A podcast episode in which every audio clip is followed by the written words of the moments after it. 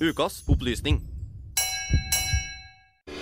I became interested in terrible suffering because it happened so many times. I said to myself, I'm going to do something about it. Jeg ble interessert i grusomme lidelser fordi det har skjedd så mange ganger. Jeg sa til meg sjøl det her skal jeg gjøre noe med.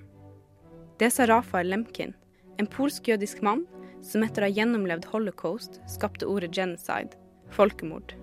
Han engasjerte seg tidlig i det vi i dag kaller folkemordet på armenerne, og studerte juss og filosofi.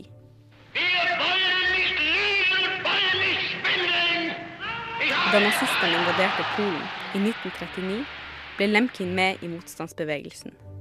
Han ble skada i kampene og gjemte seg i skogen i flere måneder før han flykta til Sverige.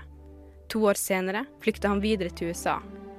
Der ble han med i teamet som arbeider med å forberede Nürnberg-rettssakene etter at nazistene var blitt slått av de allierte. Lemkin ønska seg en lov som straffa systematisk drap på mennesker pga. hvem de var, ikke pga. noe de hadde gjort. Og det var her han fikk bekrefta at 49 av hans familiemedlemmer, inkludert foreldre, var blitt drept i konsentrasjonsleirer, Warszawa-gettoen og dødsmarsjen. The convention is adopted by unanimous vote. Let's open up the world and let light and knowledge come in. Pga. Lenkins arbeid ble begrepet folkemorden en del av folkeretten i FN i 1948.